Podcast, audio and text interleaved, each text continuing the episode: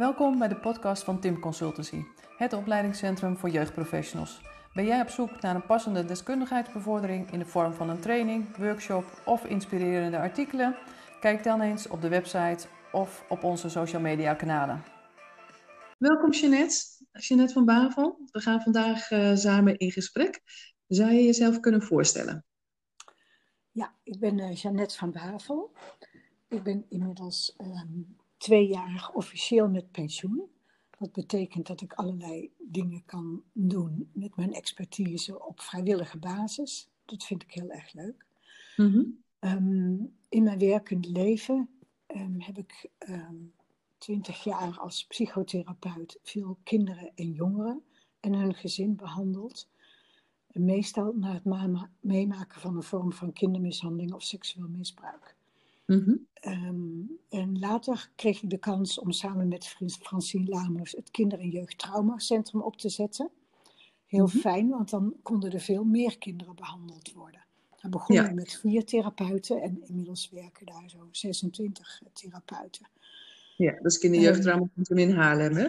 Ja, dat is het KITC in Haarlem. En uh, toen wij de kans kregen om uh, verder te professionaliseren door een grote subsidie van Zon en W binnen te halen, um, hebben we dat gedaan. Toen zijn we ook een academische werkplaats geworden, um, waarin we zijn gaan uh, werken aan de multidisciplinaire aanpak bij kindermishandeling.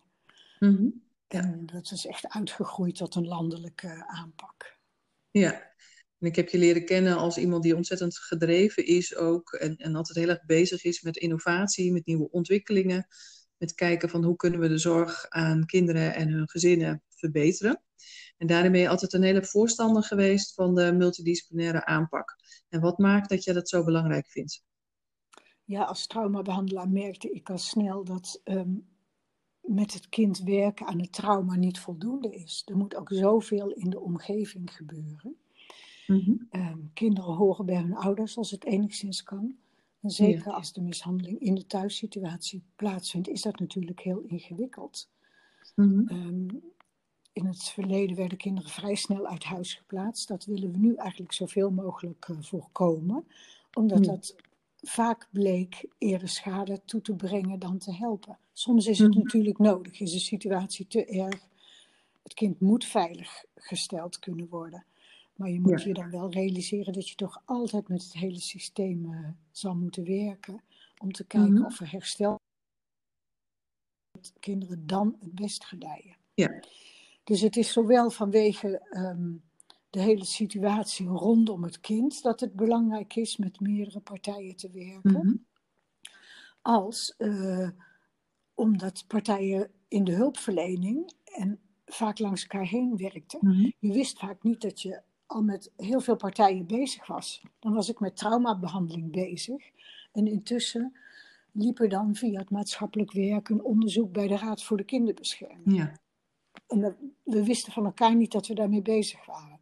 Of een kind bleek al lang bij de kinder, kinderarts te komen en die bleek ook vermoedens te hebben en daar weer met de huisarts over in contact te zijn. Mhm.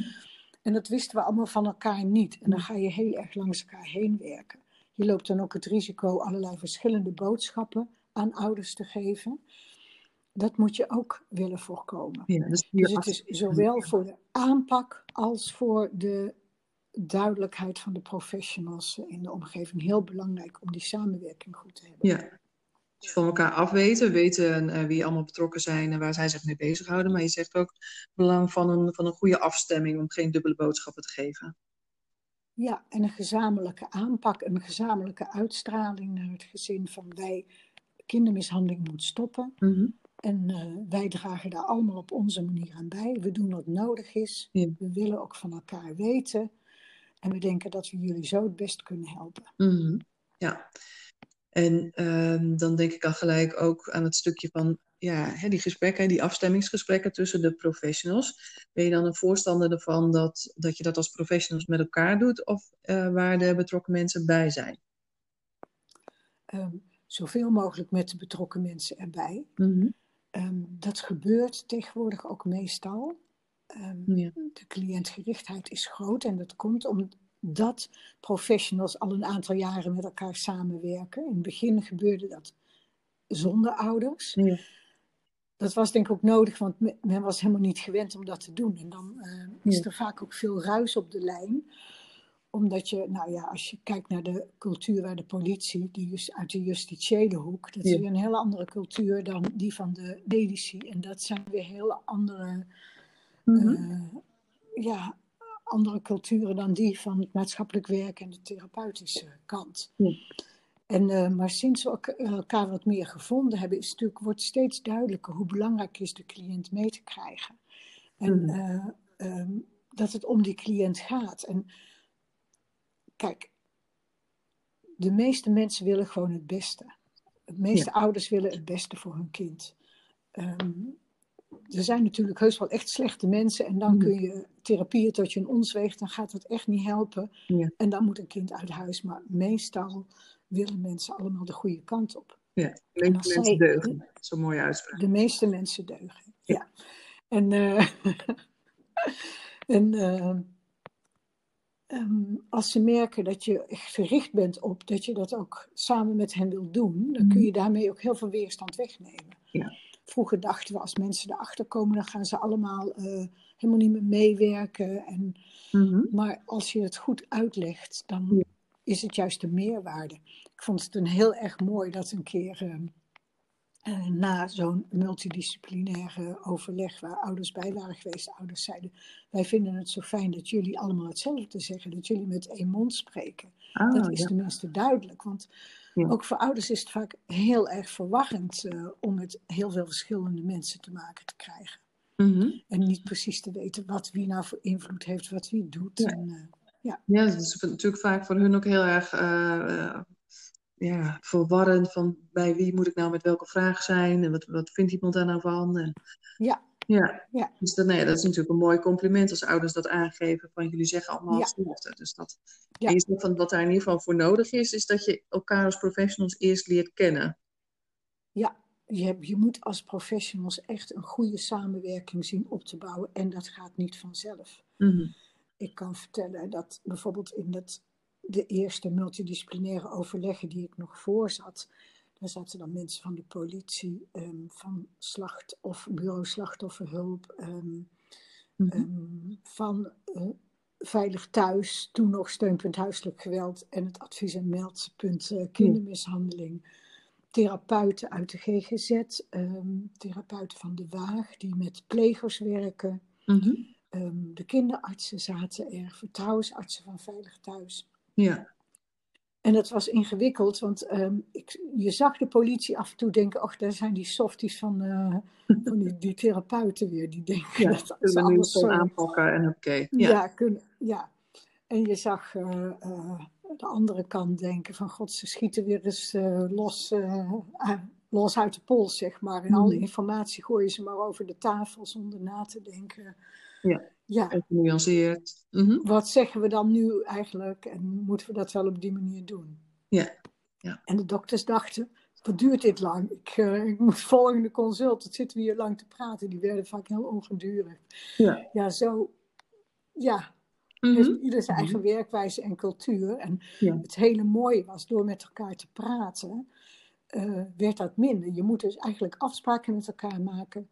Mhm. Ehm, we spreken af dat we het niet met elkaar eens zullen zijn. We gaan elkaar heel kritisch Ja. bevragen. Want dan wordt de aanpak ook beter. Als je Absoluut. die irritaties voelt en je zegt er niks over, Ja. dan komt er ook niks uit. Het Ja. heeft juist een meerwaarde om dat bij elkaar te leggen en ook bij elkaar uit te vragen van, Ja.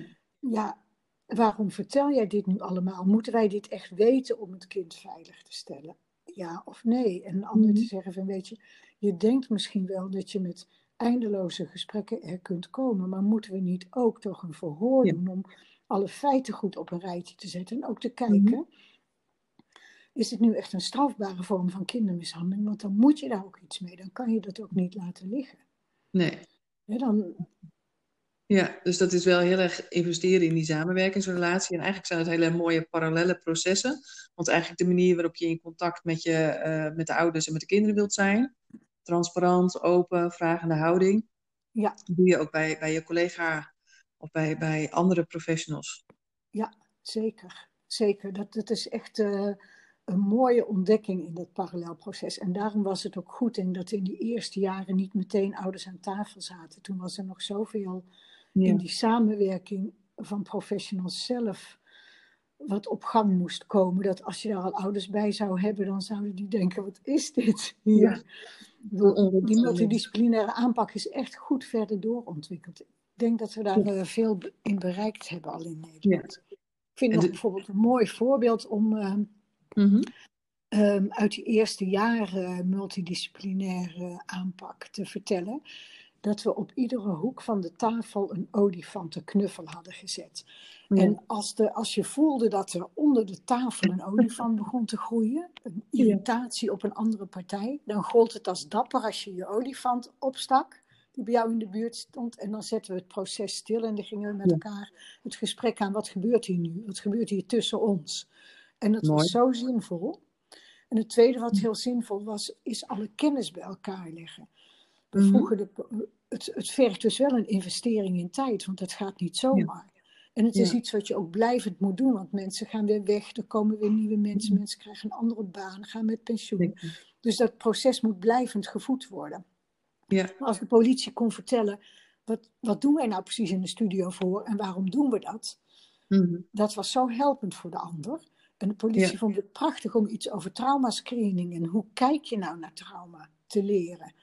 Ja. Ehm, dat hoeven ze nooit zelf te doen, maar je weet dan wel, wat is het mhm. vak van die ander? Wat is wat die bijbrengt? En dan kun je met elkaar zoveel deskundigheid delen. Ja. Iedereen vond het ook heel fijn, die samenwerking. Mhm. En zag de meerwaarde daar na verloop van tijd van in. En in die multidisciplinaire overleggen nu worden ouders altijd meteen uitgenodigd. Tenzij er een hele dringende reden is die zich daartegen voorzet. Bijvoorbeeld acute onveiligheid. Dat je denkt, als we ouders uitnodigen, dan staat er een gezinsdrama te wachten voor we mm. dat gesprek gehad hebben. Precies. Maar heel mooi wat je zegt, want dat het gewoon als dapper werd gezien als je die olifant durfde te pakken. En het dus durfde aan te kaarten van, hé, hey, volgens mij speelt er iets ehm, wat nu niet op tafel ligt. En uh, dat veroorzaakt ruis. Ja. Mm Mooi. En dan gaat het natuurlijk, uh, ik heb het nu over het specialistenteam. Mm uh, maar degene die uh, consult aanvragen bij dat team, dat zijn vaak ehm, mensen uit de wijkteams, hè, uit mhm. de eerste lijn. Die willen dan graag dat een multidisciplinair team met hen en hun cliëntsysteem meedenkt, omdat ze zelf niet verder komen. En dan mhm. is het ook heel belangrijk als multidisciplinair team om jezelf niet te veel als de expert op te stellen. Ze komen natuurlijk wel om te vragen om mee te denken. Maar in het begin liepen we er ook wel eens tegen aan dat ze zeiden. Uh, uh, uh, de eerste lijns hulpverleners zeiden van ja, nu hebben we eindeloos veel informatie moeten aanleveren. Nou is er een gesprek geweest en nou zit ik er weer helemaal alleen mee. Dus belangrijk is ook dat je niet als expert zegt, nou, doe dit en dit en dat, en pak dit en dat en dat aan. Ook maar, wat kunnen wij doen? Wat, wat voor taken kunnen wij hierin van jou overnemen? Als je mhm. bijvoorbeeld zegt, er moet nu een snelle traumadiagnostiek bij een kind, zorg dan ook als multidisciplinair team dat je die aan kan bieden aan mhm. de medewerker in de wijk. Ja. En dat hij niet zelf weer dat moet gaan organiseren en misschien met een wachttijd van drie maanden dat eens kan doen.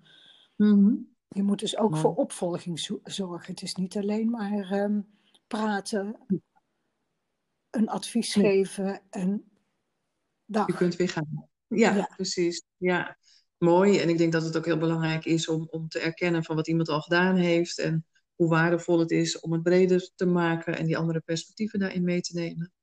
Zeker, ja.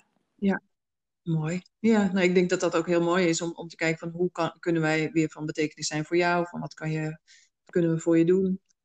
En ja, ik hoor inderdaad ook wel initiatieven dat dan toch ook iemand soms meegaat naar gesprekken, als dat hele ingewikkelde gesprekken zijn. Ja. Waar je dan weer gebruik van kunt maken. Ja. ja, mooi. Ja, en je noemde hè, dat stukje van de wachtlijsten, want dat is natuurlijk soms een hele grote drempel waardoor mensen denken zo van ja, hè, we weten wel wat nodig is, maar het is nu niet voorhanden. En dat je dus dan wel met elkaar creatief moet kijken van waar kunnen we het wel bieden. Dus met z'n allen vinden dat het belangrijk is. Ja. Ja. ja, ja. Ehm, En ik denk, uh, nou, het vraagt natuurlijk ook een stukje kwetsbaarheid van, van iemand om een casus in te brengen. Hè, om, om aan te geven, nou, ik vind het heel complex, ik kom er niet uit. Kan je daar nog iets over zeggen wat daarin belangrijk is?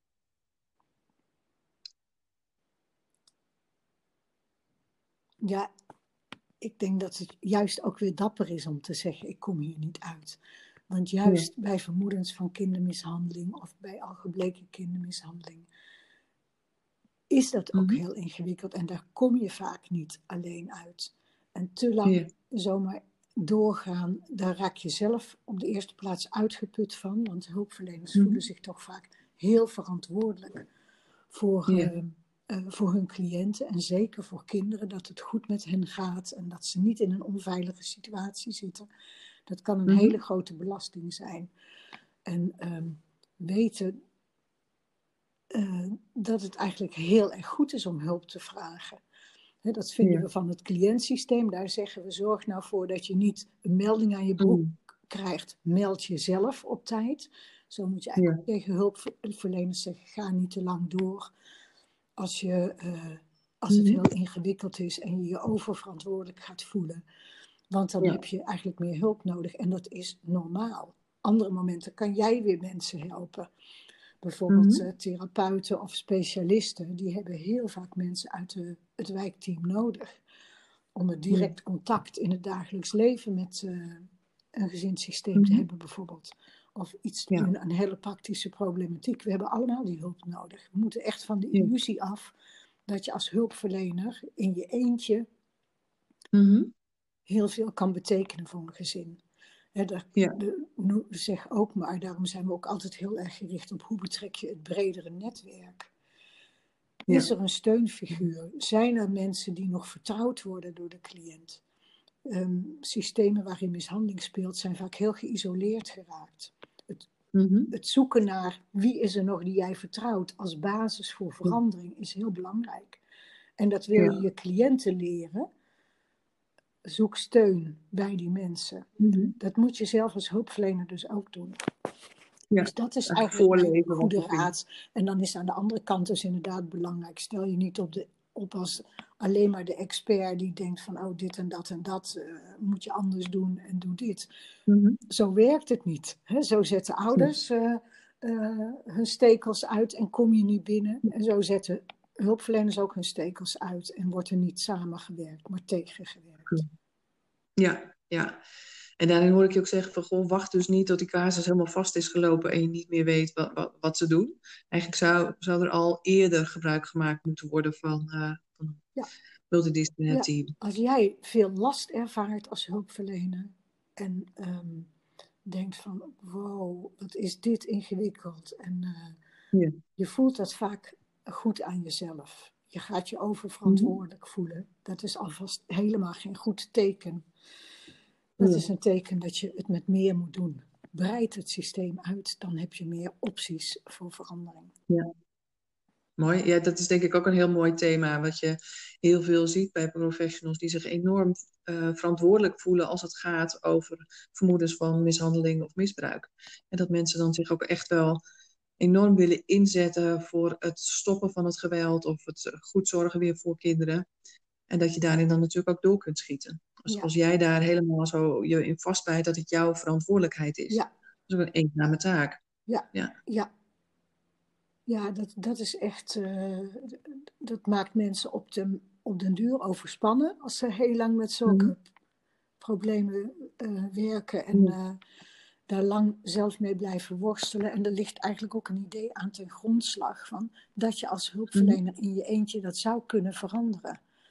En dat kan niet. Mensen veranderen alleen maar als ze zelf willen veranderen. En uh, daar is gewoon echt meer voor nodig. En om dat duurzaam en uh, te kunnen doen, heb mhm. je ook het hele um, systeem rondom de cliënt nodig. En moet je ook gericht zijn op dat uitbreiden. Doe dat als hulpverlener ook. Daar help je de mensen ook mee verder. Ja, en um, ik, ik, denk het stukje motivatie van, van ouders, hè, waar, waar, je ook al wat, wat over zegt. Zo van, goh, je kunt mensen niet veranderen als ze dat zelf niet willen. Hoe, hoe krijg je dat dan voor elkaar? Want ik kan me voorstellen dat zo'n overleg ook heel spannend is. Uh, dat je als je veel professionals aan tafel ziet zitten en jij als ouders daarvoor voor uitgenodigd wordt. Hoe kan je daaraan werken tijdens zo'n overleg? Ehm, vertrouwen is de basis van verandering. Hè? Zonder, uh, dat noemen ze wel eens epistemisch vertrouwen. Mensen leren alleen maar uh, en veranderen dus ook alleen maar als ze vertrouwen hebben in uh, wat ze zien, daarin durven gaan, mee durven doen. Dus voor zo'n overleg mhm. is ook creëer vertrouwen. Leg heel goed uit wat de context is, waarom je bij elkaar zit. Uh, dat je het ook als professionals met elkaar oneens kan zijn, dat daar dan gewoon over gesproken wordt. Um, Leg ook goed uit als er een dreiging is dat er uh, uh, misschien een politieverhoor komt. Uh, mm Ben daar open over. Houd niet dingen achter. Maar ja. ligt ook de gerichtheid op het stoppen en willen helpen. Dan, mm -hmm. Dat je daarom bij elkaar zit toe. Dus het is echt vertrouwen ja. creëren. En, ja, dat is een heel moeilijk proces. Ja. Absoluut, ja. En je zegt dat begint in ieder geval met transparant zijn, dingen uitleggen. Ja, en dus dat de mensen aan tafel zitten. Dat je uh, ja. ze uitnodigt, op hun gemak stellen. Dat is al een, een, een, begin van vertrouwen. Ja, en ik denk ze ook heel erg betrekken bij die dialoog. Dat ja. ze niet uh, daar zitten als toehoorders, ja. maar volledige gesprekspartners zijn. Ja, zeker. Zij, zij zijn uh, de expert over hun eigen leven. Hè? Van, mm -hmm. ja. Mooi. -hmm. Ja. Um, wat, wat kan je daarin nog meer meegeven? Wat, wat is er belangrijk tijdens zo'n overleg? Of, uh, want je zegt ook al van professionals hebben vaak het idee... Um, ik moet heel veel aanleveren, ik moet heel veel informatie aanleveren voordat ik uh, naar dit overleg toe kan.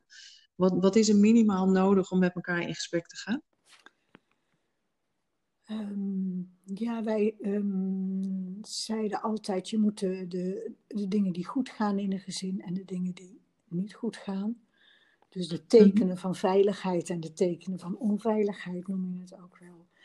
Um, ja. Die moet je in kaart uh, hebben. En met na, daar dus ook de dingen die wel goed gaan bij. En dat, dat is een, een soort startpunt wat je, uh, hoe het er op dat moment uitziet, wat je met elkaar zou moeten hebben. En dan is het nog mm-hmm. belangrijk dat je een beetje een tijdlijn hebt. Dat je weet hoe lang problemen al spelen, wie allemaal al betrokken zijn geweest. En dat op een rijtje zetten uh, mm. met elkaar, ook naar ouders. Dat is vaak een goed uitgangspunt. Om met z'n allen het gesprek aan te gaan. En dan daarnaast mm-hmm. is de, de niet wetende houding is altijd belangrijk. Want je wil ook uh, open blijven staan. Dus je hoeft niet in detail alles te weten. Je wil ook mm-hmm. kunnen vragen van hoe zit dat dan en hoe is dat toen gegaan? En, uh, ja. moet dus, uh, ja. het, het, moet niet dichtgetimmerd zijn, want dan wordt het uh, eerder een, een tribunaal ja. dan een, een, verhaal wat je met elkaar maakt. Precies, ja. Want dat is natuurlijk ook waardevol van zo'n overleg, dat er weer vanuit verschillende perspectieven of vanuit verschillende invalshoeken vragen gesteld worden om dingen te verhelderen. Ja. Men zegt in ieder geval die gerichtheid, eh, niet alleen op de problemen en wat er niet goed gaat, ook kijken naar wat er, wat er wel werkt en patronen. Ja. Hoe lang speelt iets ja. al? Wat is er in het verleden gebeurd? Ja. Wat, uh, wat, zijn periodes dat het anders is geweest? Ja, mm -hmm. en het fijne als ouders erbij zitten is dat je ook kan uh, oplossingsgericht kan werken naar hoe zou het beter kunnen. En dat ouders mm -hmm. zelf mee kunnen aangeven en jongeren ook. Hè. Jongeren zijn er ook regelmatig bij vanaf uh, een jaar of twaalf. Um, mm -hmm. Of een bepaalde manier van aanpak gaat werken. Of ze dat aan willen gaan. Ja. Hè. Daar kunnen ze zelf vaak ook iets over zeggen. Er zijn soms meerdere wegen die ja. naar Rome leiden. Er zijn altijd meerdere mm -hmm. wegen die naar Rome leiden. En er zijn ook altijd meerdere dingen die kunnen helpen. En het gaat er ook om, slaat iets aan bij iemand. Mm -hmm. Dat kan je best gezamenlijk onderzoeken. Ja. Wat, wat zou jouw wens nog zijn ten aanzien van deze multidisciplinaire aanpak in Nederland? Um, dat mensen echt, dat hulpverleners heel veel tijd krijgen om hierin te investeren. Nu is het vaak zo dat ieder zijn eigen werk heeft en dat, dan, uh, ja. dat er dan één ochtendje is dat ze een multidisciplinair team mogen zijn. En zo gaat het te mondjesmaat. Je moet veel vlieguren Mhm. maken met elkaar, heel goed op elkaar ingespeeld raken, dan ga je dat steeds beter kunnen. Dus Ja. ik zou eigenlijk toe willen naar eh, eh, teams die steeds met elkaar werken, die echt voor deze problematiek Mhm. kiezen. En het heel belangrijk vinden om daar eh, teamwerk in te doen. En dat helemaal ontwikkelen. Dus ik zou zeggen, laat zo'n multidisciplinair team echt een vast team zijn wat heel veel met elkaar werkt. Mhm. Ja. Ja. Dat vind Dan weet je elkaar ook beter te vinden en dan raak je goed Ja. op elkaar afgestemd. En, eh, Ik merkte dat dat werkte in het multidisciplinair Mhm. centrum kindermishandeling. Dat was echt ook een locatie waarin werd samengewerkt. Ja. Er zijn in Nederland Dat is ook gewoon 26 fysiek van die multidisciplinaire teams. Maar die Mhm. werken als netwerkteam. Die komen dus die ene keer in de Mhm. week, sommigen iets meer bij elkaar. Uh, maar in Mhm. een centrum waar je iedere dag je werk samen doet, daar krijg je een hele grote spin-off. Want daar loop je ook makkelijker bij elkaar binnen. Um, van, uh, Mhm. Bij een kinderarts bijvoorbeeld, van kun jij helpen met uh, in deze situatie, wat zou jij dan doen? Ook als het niet over mishandeling gaat. En dat kan een hele grote, Ja. ja, bredere uitwerking hebben. Maar in elk geval bazaal, het, echt vlieguren maken met elkaar, dat Ja. kan echt nog verbeteren in Nederland. Ja. ja, ik heb in, in New York mogen kijken, inderdaad, bij het Child Advocacy Center, waar, je, waar inderdaad al die organisaties gewoon onder één dak zitten, één organisatie ook zijn Ja. met elkaar. En dat, uh, dat was echt wel heel mooi om te zien hoe, hoe ontzettend korte lijntjes, dat steeds met elkaar geschakeld wordt, gekeken kan worden van oké, als jij nu het lich- lichamelijk onderzoek doet, dan kan ik dit doen. En nou ja, ook, ook weer de gespreksvoering met elkaar. Ja. Het is Supermooi. echt goed voor de samenwerking, maar ook voor het tempo waarop alles gebeurt. En voor ouders dat ze zien, Ja. als ik op die locatie ben, daar gebeurt alles. Je hoeft niet van het ene gebouw naar het andere. ehm, voor verschillende Nee, dingen. dat-. Ja. Ja, ja. Dankjewel voor deze in- informatie. Heel erg waardevol. Het geeft denk ik een mooi kijkje in eh, de multidisciplinaire aanpak. Ehm, dus ja, heel fijn dat wij hier samen over in gesprek zouden kunnen. Ik ben ook heel erg benieuwd, ehm, want ik ben nu bezig om wekelijks een podcast in ieder geval eh, op te nemen en eh, te verspreiden. Met wie zou ik nog meer eens in gesprek moeten volgens jou? Ik weet natuurlijk niet Wie je allemaal al gesproken hebt. Eh, maar Mhm. ik denk dat het boeiend zou kunnen zijn om over traumasensitief werken een keer een gesprek aan te gaan. Ehm, Mhm. En dat zou heel goed eh, kunnen met eh, ehm, een van de trauma-experts, ehm, zoals Iva Bikanic of. Margreet Visser of ehm, Trudy Moren. Maar Ja. ook met eh, Marielle Dekker van de Augeo Foundation bijvoorbeeld, want die zijn ook bezig met een project Mhm. traumasensitief werken. Ehm, dat is ook zo'n vorm van samenwerking, maar dan vanuit de kant van er wordt nog heel weinig Mhm. op andere vlakken, op, als er problemen zijn met een kind gekeken, zou er iets traumatisch kunnen spelen. Hè, dat Mhm. kun je in het onderwijs Zeker. ontwikkelen, dat kun je in allerlei andere vormen van hulpverlening. Dat meenemen geeft vaak een ander perspectief. Dat zou een idee Ja. kunnen zijn. Mooi. Ja, mooi. Mooi rijtje van vier namen. Ik, ga, ik ga ze benaderen en kijken wie van hun hier aan mee wil werken. En dan eh, kunnen we ook dat aspect er nog weer bij pakken. Ja, want inderdaad wel gesprekken gehad over traumasensitief werken met eh, Nanda de Bruin en Leonie Koppens is ook al een podcast van. Dus dat, eh, maar deze namen zijn daar inderdaad een hele mooie aanvulling nog aan. Ja, super bedankt Jeanette voor, voor je tijd om deze podcast eh, samen op te nemen. Graag gedaan. En ja, ja, en ik vind het ook geweldig met hoeveel warmte je spreekt over je werk en eh, nou ja, de passie die daar altijd nog Ja. in zit. Dus Dankjewel. dankjewel. En jij heel veel succes met je mooie werk bij Tim Consultancy. dankjewel. Dankjewel voor het luisteren naar deze podcast van Tim Consultancy. Hopelijk was het een waardevol gesprek voor je om naar te luisteren.